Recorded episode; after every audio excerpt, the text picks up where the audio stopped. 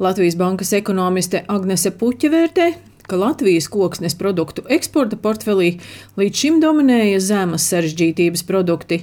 Tā kā koksnes resursi nākotnē samazināsies, Jācenšas tos izmantot gudrāk un jārada tiem pievienotā vērtība. Līdz šim par augstu pievienotās produktu nepieciešamību un zināšanu ietilpīgām darba vietām runāja vairāk politiķi, ekonomisti, kas kopumā ir tāda tukša muldēšana, jo lielu seku no runām nav.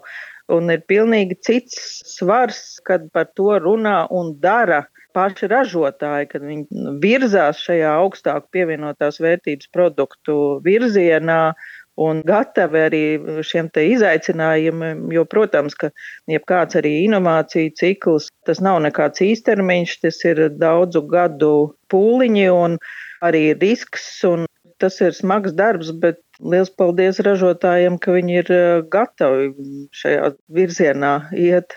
Latvijas kokapstrādes uzņēmēju un eksportētāju asociācijas izpildu direktors Artūrs Butāns vērtēja, ka meža nozare kopš Latvijas neatkarības ir veiksmīgi attīstījusies, Pēc Latvijas iestāšanās Eiropas Savienībā atrasti jauni tirgi, tagad pienācis laiks spērt nākamos soļus. Laiku pēc krīzes, 8. gada, esam izmantojuši, lai investētu tehnoloģiskajā attīstībā un infrastruktūrā, un tagad būtu pienācis tas brīdis, kad tiešām ir jāsāk iet sarežģītākos produktos, Tas, protams, ir risks un tās ir lielas investīcijas. Tie ir lielie uzņēmumi, kas to spēj izdarīt. Protams, ir arī ļoti būtisks atbalsts, kāds nāk varbūt no valsts vai Eiropas fondiem un tam līdzīgi. Ja mēs domājam tā nopietnāk par koksnes ķīmijas attīstību, par tiem produktiem, kas varētu aizstāt arī fosilos resursus pasaulē dažādos līmeņos, ir jāsaprot, ka tas prasīs vēl nu, kādu laiku, jo tāda produkta attīstība parasti ir no 5 līdz 15 gadus prasa. Viens no vadošajiem kokapstrādes uzņēmumiem Latvijā ir Stīga RM, kas apsaimnieko vairāk nekā 10 tūkstošus hektārus meža.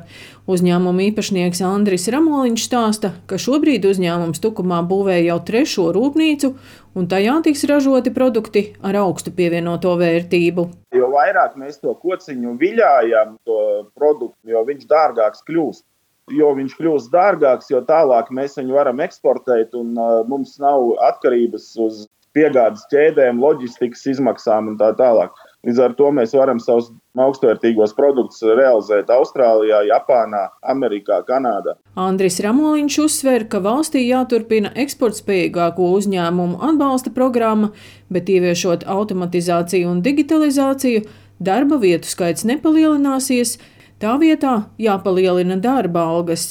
Tāpat no ēnu ekonomikas darba tirgu jāpalīdz atgriezties tiem, kas kopš 2008. gada krīzes strādā nelegāli. Jāatlaiž 2008, 9, 10 gada parādi cilvēkiem, un jātaisa savu veidu amnestija, un jāatgriež šie cilvēki legālajā darba tirgu. Lai mēs varētu Latvijā turpināt attīstīt ražošanu, un es ticu tam, ka Latvija var kļūt par uh, ražošanas lielvalsti. Protams, ir uh, ļoti svarīga vēl viena lieta. Ir nepieciešams šis, ko ekonomikas ministrija ir paredzējusi, zaļais koridors, kas neļautu kādam vienam vai diviem individiem teiksim, bloķēt rūpnīcas celtniecību Latvijā.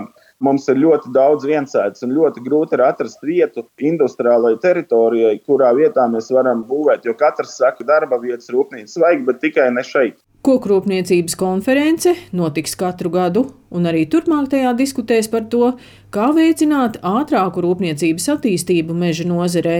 Daina Zalamane, Latvijas radio.